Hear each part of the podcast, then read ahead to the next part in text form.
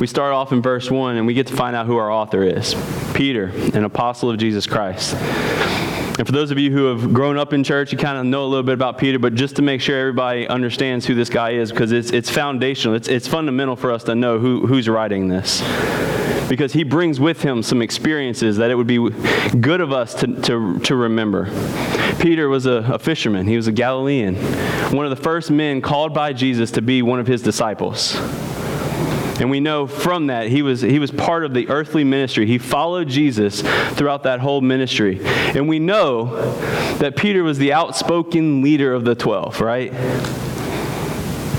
And despite his leadership abilities with among the 12, we often find Jesus rebuking him in front of the 12. One of those occasions happened if you flip back to Matthew really quickly. In Matthew chapter 16, Jesus is has actually just asked, Hey, who do they say that I am? And Peter says, You are the Christ. And he says, Blessed are you. And then in chapter 16, verse 21, Jesus begins telling them about his death and his resurrection. And Peter gets rebuked. Matthew 16, verse 21 From that time, Jesus began to show his disciples that he must go to Jerusalem and suffer many things from the elders and chief priests and scribes, and be killed, and on the third day be raised. And Peter took him aside and began to rebuke him, saying, Far be it from you, Lord. This shall never happen to you. But he turned and said to Peter, Get behind me, Satan. You are a hindrance to me, for you are not setting your mind on the things of God, but on the things of man. We see him fail later on in Matthew's gospel, Matthew chapter 26, when Jesus is in the Garden of Gethsemane. And starting in verse 36, then Jesus went with them to a place called Gethsemane, and he said to his disciples, Sit here while I go over there and pray. And taking with him Peter, and the two sons of Zebedee, he began to be sorrowful and troubled. Then he said to them, My soul is very sorrowful, even to death. Remain here and watch with me. And going a little farther, he fell on his face and prayed, saying, My father, if it be possible, let this cup pass from me. Nevertheless, not as I will, but as you will. And he came to, his, to the disciples and found them sleeping. And he said to Peter, so you could not watch with me one hour? And that text would go on, and we would see that G- Peter would do that a couple more times. Peter was a failure many times during the earthly ministry of Jesus. In John chapter 18, when, when, when Jesus is being arrested, Peter takes it upon himself to defend Jesus. And so he pulls out a sword, is what Scripture says. More than likely, it was a dagger. And he goes to defend Jesus. And Jesus says, put, put it away. This has to happen this way. And of course, many of us are familiar with the fact that, that Peter also denied Christ three times. And what he did after that, after that third denial, the rooster crows, just like Jesus said it would, and they lock eyes. And then Peter runs and he, he goes back to his old life. He goes back to being a fisherman. And then somehow, what we see in Acts is that the Holy Spirit has done something. And we see an instrumental leader in the early church. I mean, we, I, I mentioned it already, but in, in our study of Acts, what have we seen with Peter? Peter is the found, foundation. He is the rock upon which Christ will build his church. And so Peter is preaching the gospel on the day of Pentecost. And thousands come to salvation. Peter is used to heal a man that is, that is later used to explain the gospel. The fact that, that the physical healing is one thing, but that all of us need spiritual healing. And he preaches that sermon in Solomon's portico. And thousands come to salvation. And for that preaching, what we've already seen in our study in Acts is that Peter was arrested, that he was beaten, that he was persecuted. That is who is writing this letter. And that is very important for us to keep in mind because the theme of this letter is how do I endure through trials, through persecution? Peter is going to speak from experience, and it's also important to remember that he's speaking from experience 30 years later. There's a lot of sanctification that has happened in Peter's life. He didn't just wake up one day and be able to write and give this sort of wisdom on, on how to endure trials, how to face persecution.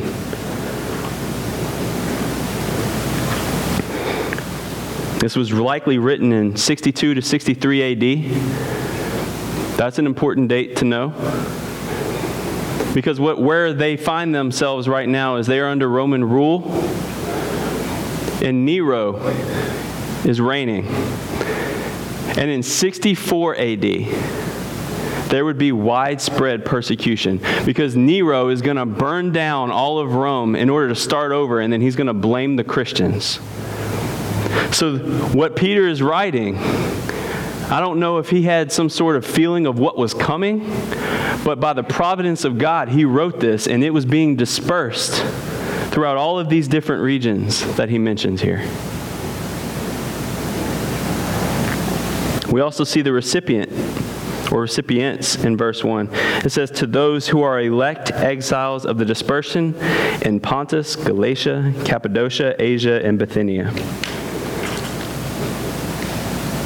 He says, To those who are the elect, the elect, these are people who have been chosen by God. They have been separated from among all people to be a specific people for Him. They are chosen, they are the elect, and they are the elect exiles. That word means to be a, sojourner an alien. You're, you're in a foreign land. And he is not at all referring to the physical nature of the fact that they've been spread out, because most of these people have been spread out throughout all of Rome for some time. This is referring to the, the spiritual exile, that they are here on earth, but this is not their home. This is a temporary dwelling, that they are foreigners in this land because they have been called out of the world. And he uses a, an Old Testament term referring to the dispersion to, to, to reference the church that they have been spread throughout the world.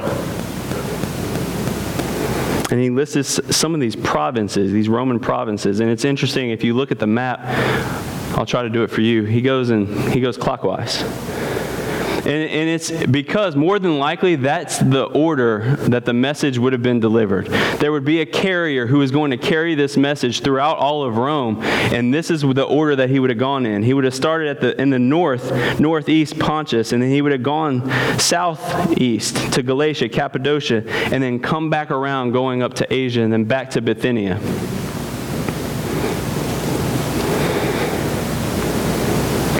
He's writing to the church that's spread in all these different regions. There's not a specific audience in mind, except for the fact that they are under Roman oppression. He modifies this term, the elect exiles, in verse 2 with some very deep stuff. I mean, I, in fact, when we, when we walked through this with our students, we actually only went to verse 2. And I'm pretty sure Elizabeth Foreman, who is now 15 years old, can probably teach everyone here on what this means. Verse 2 said, according to the foreknowledge of God the Father. That word that's in that, that, that term, foreknowledge, it is a term that means to know. And it's an intimate knowledge. And it's not that to know something, but it's to know someone. And so they were elect exiles, Peter says, according to the foreknowledge that he would know them personally. And of course, fore means beforehand. Now, this is not just knowing something that's going to happen. I'll put it to you this way. Yesterday, I don't know how many of you got to do this, but I, I was able to eat crawfish. I went to a crawfish boil. My dad, had he spoken, he would have said, I have the foreknowledge that we are going to have crawfish. Not because he was knowing that somebody was going to cook it, Somebody was going to do the boil, but that he was actually going to make that happen. So when we talk here about the foreknowledge of God, it's not that I know that something is going to happen. It's I know because I'm going to do it. I have chosen you to be exiles on this earth for this time according to my foreknowledge. It is according to the predetermined plan of God before the foundation of the world. Think about this. If you're writing to people who are facing trials, who are, who are facing persecution, don't you understand that that's important to, to, to believe? That this is happening according to the foreknowledge of God, to the predetermined plan He goes on to say, not only according to the foreknowledge of God the Father, but also in the sanctification of the Spirit. Now, we can search Paul's writings and we can see many times where he talks about how trials produces in us holiness and that we should, we should be grateful for when those, those things come because they're producing in us righteousness. That word sanctification means it's like the act of being made holy, the act of being made more like Christ, being made into his image. That's what trials do, right? For those of you who have gone through trials, once you come out of them, you look more like Christ before, than before you went in. And it's not easy. That's the, the, that's the point of trials. They're, they're difficult. They're difficult times, they're difficult seasons. Peter's writing to a group of people that are actually getting ready to go through some of the ter- toughest persecution that has ever been known in the history of man. And it's in the sanctification of the Holy Spirit. That's the Holy Spirit's role in all of this. See, it's go, according to the predetermined plan of God the Father, and then the Spirit is sanctifying us while we are exiles. And then it says, for the obedience to Christ and for sprinkling with his blood. God chose us to be an obedient people. We are chosen, we are elect exiles, but in order that we might be obedient to our King, to our Lord. And while we're being made holy, he points us to the fact that we have been sprinkled with his blood.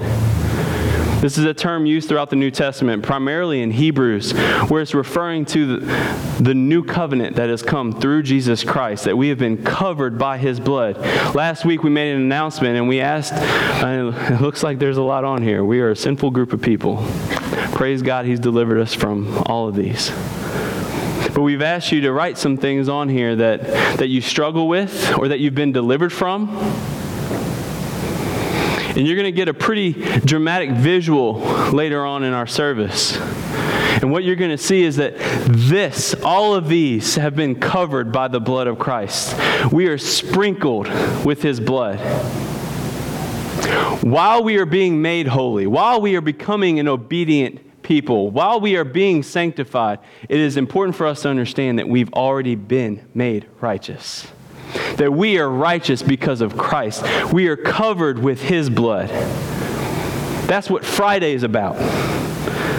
Friday is about the sacrifice that Christ made for us, the perfect, spotless Lamb who died, who paid the penalty that we cannot pay. We've been sprinkled with his blood. And Peter closes out his greeting with a very standard greeting, but there's so much deeper implications here in light of who he is, in light of what's going on in their day and who he's writing to. He says, May grace and peace be multiplied to you. So many times I would read right through that. Ah, he's just saying, okay, comma. That'd be like on the end of an email. I don't know about you, but every email I try to remember, thank you, comma. And sometimes I get in the habit of I'm not really thanking somebody. Like it's not even like a thing where you would say thank you, but it's just habit, right? So thank you. This is intentional here. This isn't something out of habit. What, what Peter is saying is may, may grace, the unearned favor of God, be multiplied to you grace to endure the trials, grace to endure the persecution. And then he says, Peace. May peace be multiplied to you. And what he's saying here, he's not necessarily saying peace, meaning you're going to be absent from those trials, where those trials will not come your way, but peace in the midst of the trials. Peace in the midst of facing persecution. May that be multiplied to you. So, church, this is very relevant for us today. We are the elect exiles. This is not our home. This earth that we're in right now, we are, we are citizens of the kingdom of God. And we belong with our king. But for now, we're exiles. We've been chosen by God. We've been set aside to be used for His purpose. We've been going through Acts. We know that there's a mission that God has, has established that we get to carry out as His church. But right now, we're exiles. And all this is according to the foreknowledge of God the Father. I want you to know this morning that you are known, intimately known by God.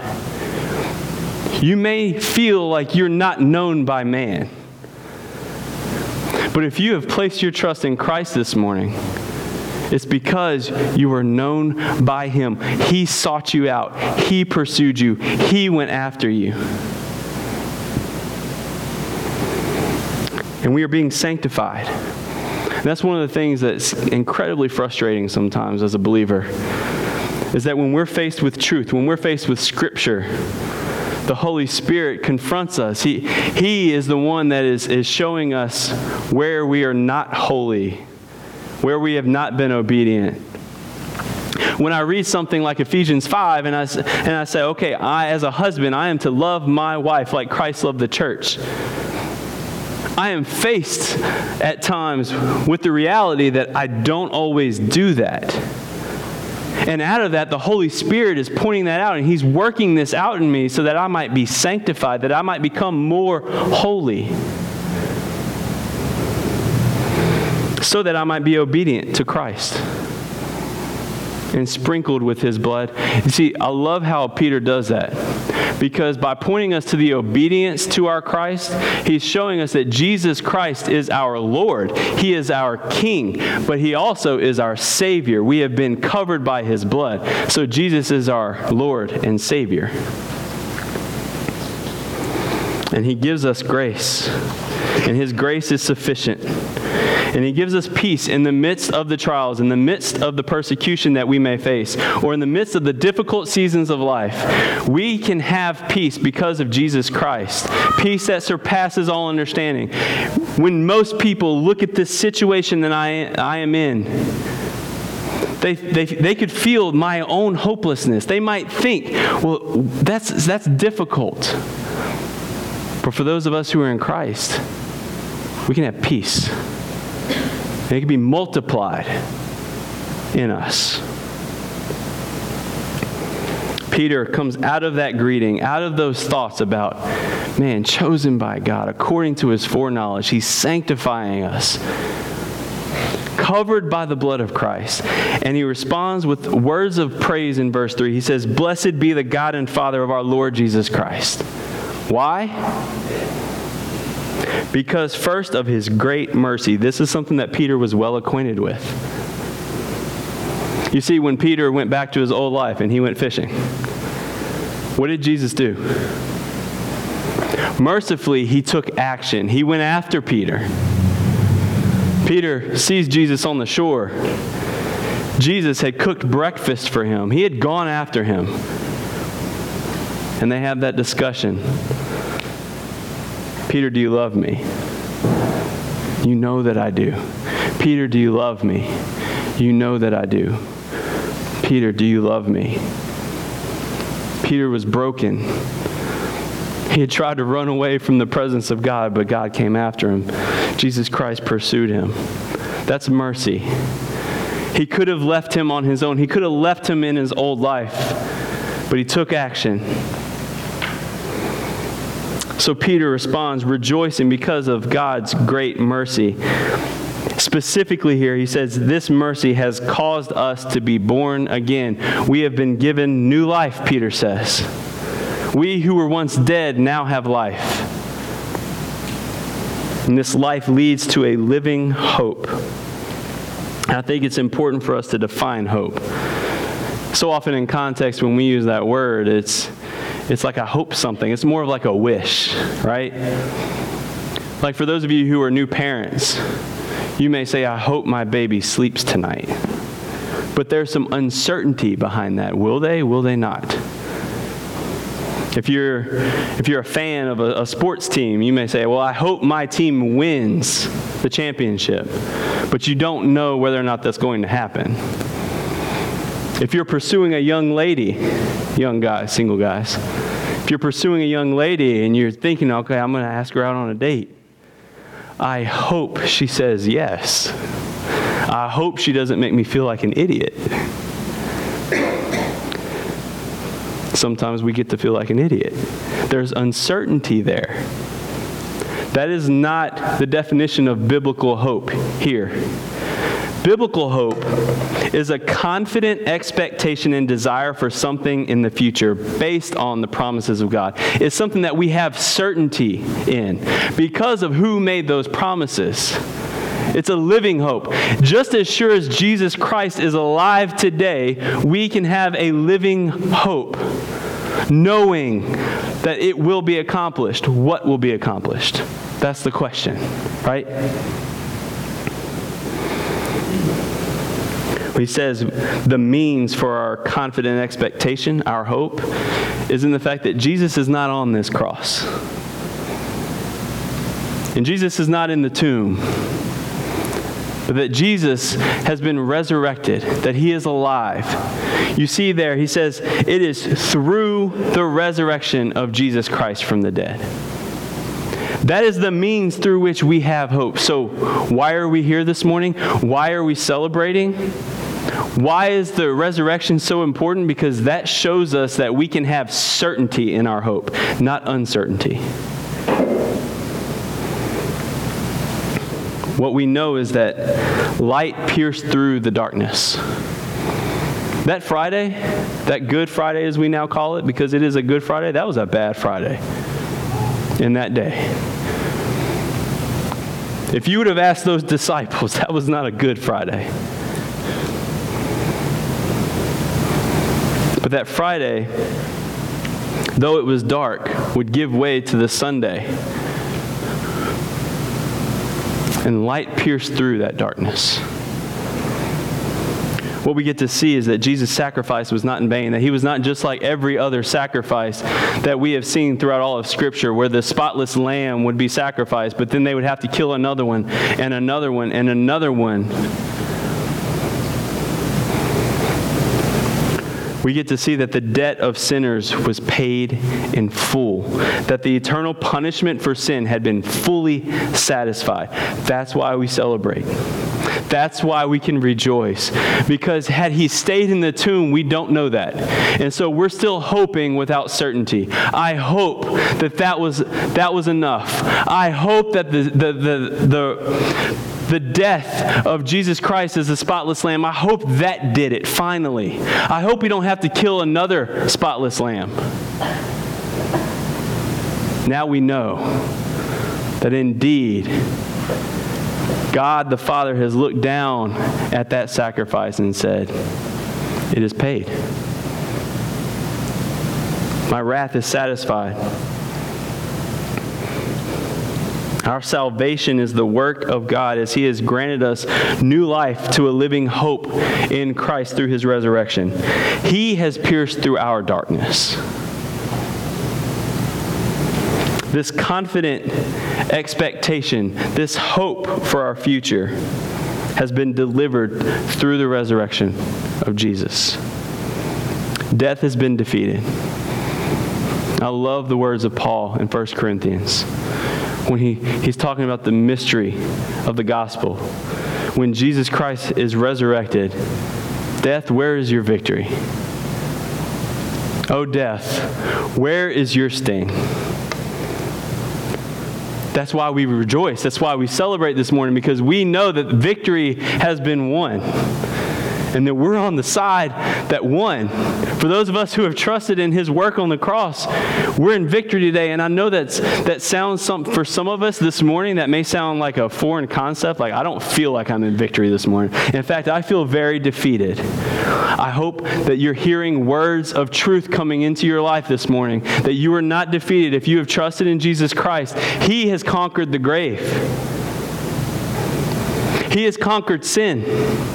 So, whatever sin that may be entangling you this morning, He has satisfied the payment for that sin, that you can live in the freedom from it, and that you are being sanctified. You may be struggling with it right now, but God is going to work out that struggle in holiness. He's going to produce in you righteousness. Until then, you're covered by the blood of Christ.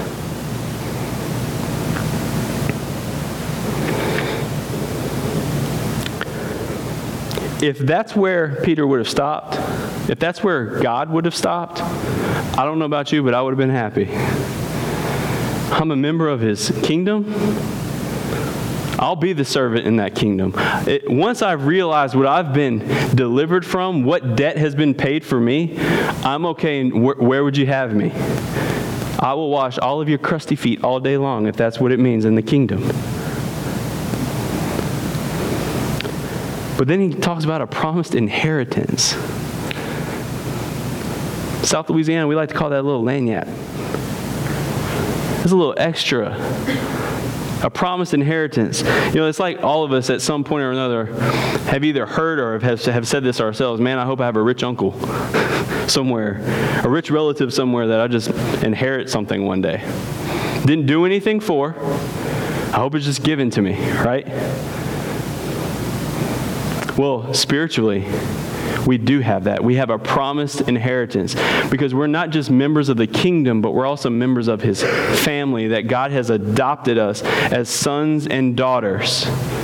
He's promised us an inheritance, something that we do not deserve. And this inheritance is described as imperishable, in contrast to what our rich uncle might give us something that would rust, something that would be destroyed over time. This inheritance does not ruin.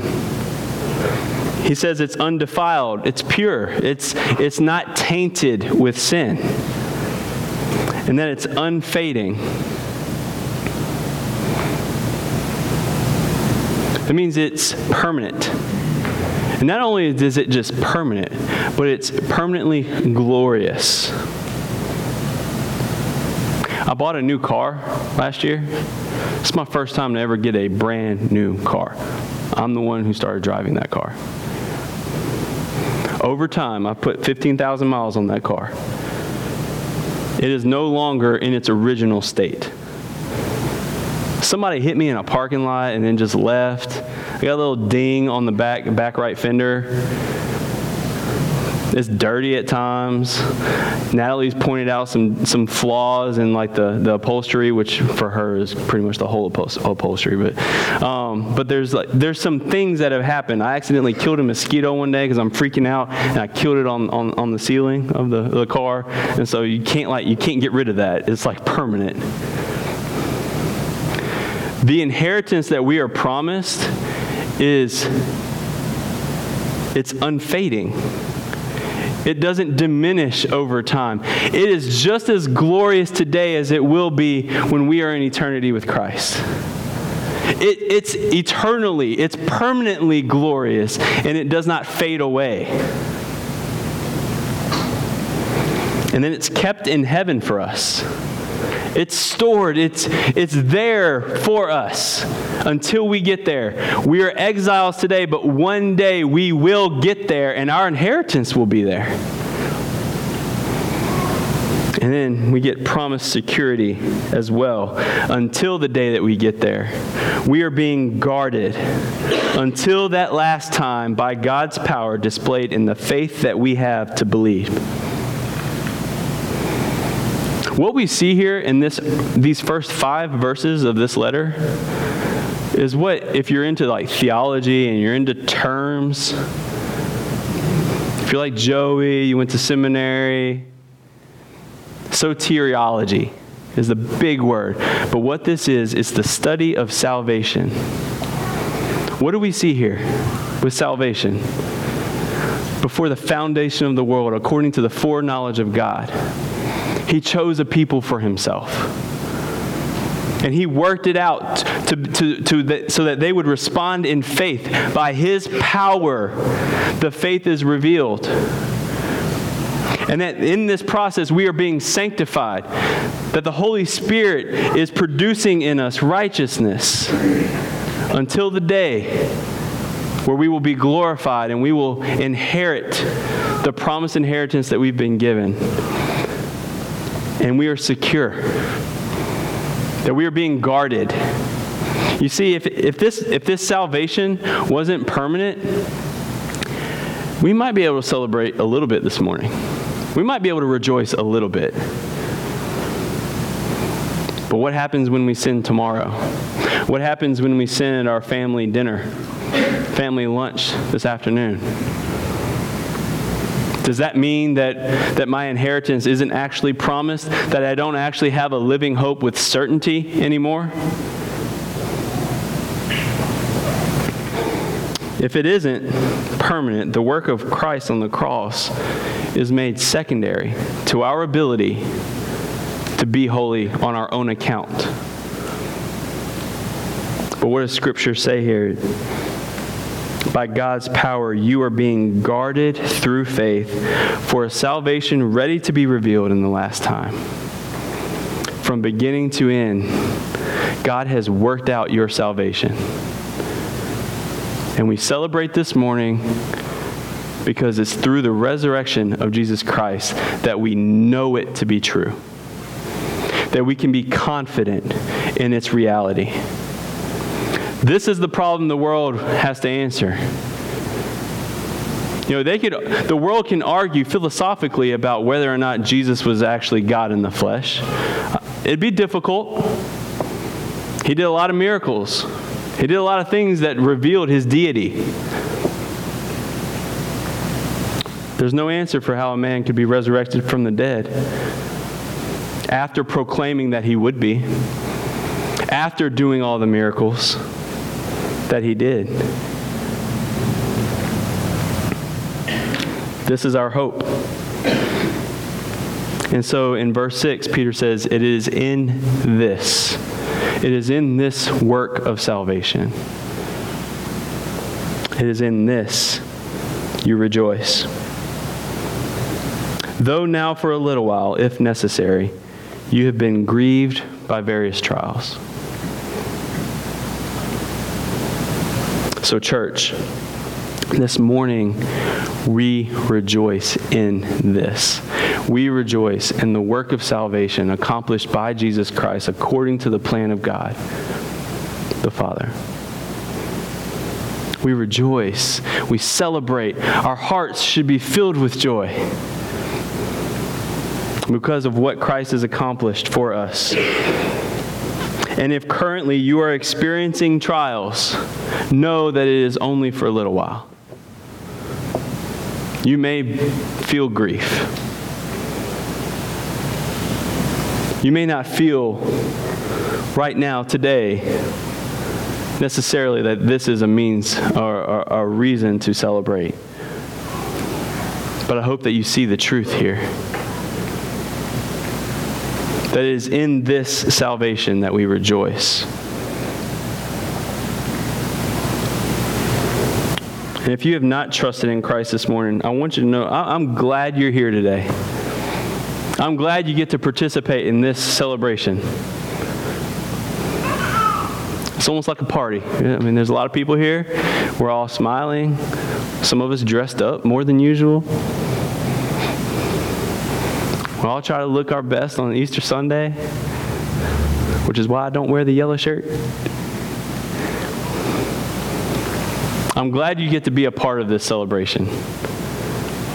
But what you're going to see this morning is a mere shadow of what is to come. This is nothing compared to the ultimate celebration that we will have when we are reunited, when we are no longer exiles, but we are reunited with our King. And my heart for you is that you would get to be a part of that. Scripture says that if you confess with your mouth that Jesus is Lord and believe in your heart that God raised him from the dead, that you would be saved.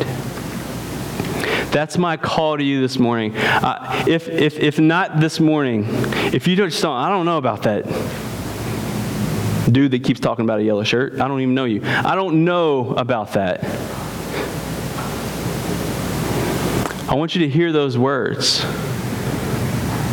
If you confess with your mouth that Jesus is Lord, and you believe in your heart that he is resurrected, that what we're doing this morning and celebrating that that actually happened, and you trust in that work for your salvation, for your payment of sin. If you had to write something on here on this cross, something that you had done that was an offense to God, that when Jesus died and was resurrected, that your debt was paid for that sin. If you believe that, you will have salvation and you will experience peace. You will experience grace, His great mercy, and a reason to rejoice permanently, no matter what you're going through. Let's pray. Father, we come to you this morning in celebration. Thank you, Jesus. Thank you for Good Friday. Thank you for, for covering our sin with your blood. Father, we thank you that this is all according to your plan, to your foreknowledge. Thank you for knowing us and coming after us. Father, we, we see this morning that we are exiles, that this is not our home. We ask you by the, by the power of your Holy Spirit that sanctifies us, that we would be found faithful during our season of exile. We ask for grace that is sufficient to endure trials. We ask for peace that surpasses all of all understanding in the midst of difficult seasons in life. Father, we look forward to that day reunited with our King. This morning we, we celebrate because now we know that to be sure, that we will be reunited with Him, that your promises will stand because your Son rose from the grave. He conquered sin, He paid our debt in full. There's nothing left for us to pay. That you have been fully satisfied and we have done nothing for that Father. So, out of hearts that recognize that grace, we worship you.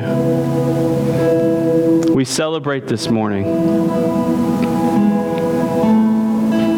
A man of sorrows, a man who is acquainted with grief, a man who is crushed for our iniquities. But a man who defeated death, who conquered the grave.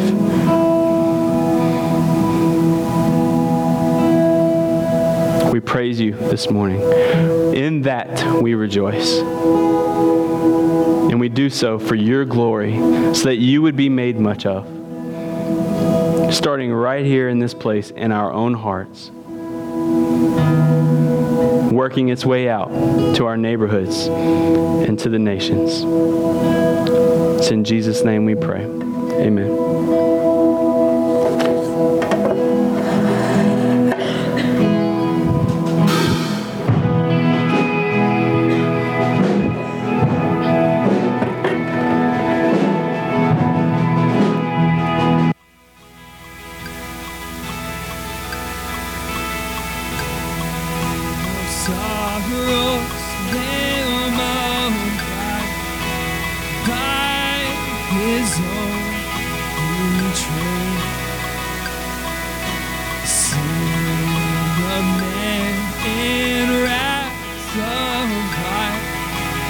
Depend on Jesus'.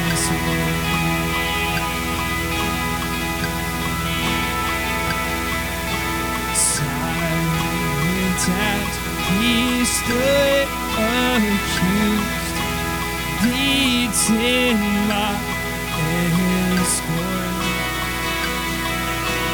Bowing to the Father's will, he took a crown of thorns. And so that rugged cross, my salvation, where your love poured out over me. Now my soul cries out, Hallelujah,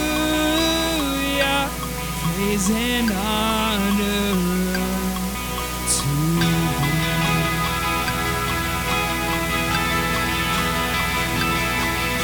Sent from heaven, God's own Son, to purchase and redeem.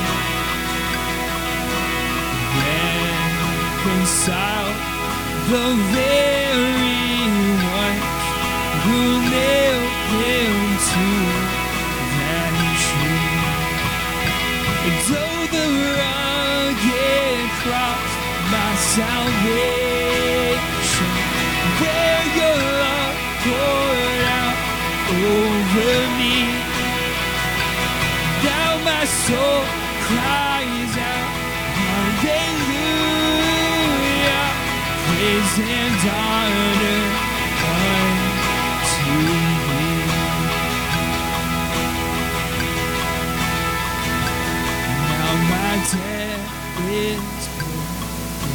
is paid in full by the precious blood that by Jesus spilled. Now the curse of sin has no hold on me. Whom the Son sets free, oh, is free indeed. Now my debt is paid. It is paid in precious blood that my Jesus spilled. Now the curse of sin has no hold on me. To the Son sets free, oh, is free indeed. Oh, that rugged cross, my salvation, where your love poured out over me. And now my soul cries out, Hallelujah, praise and honor unto thee.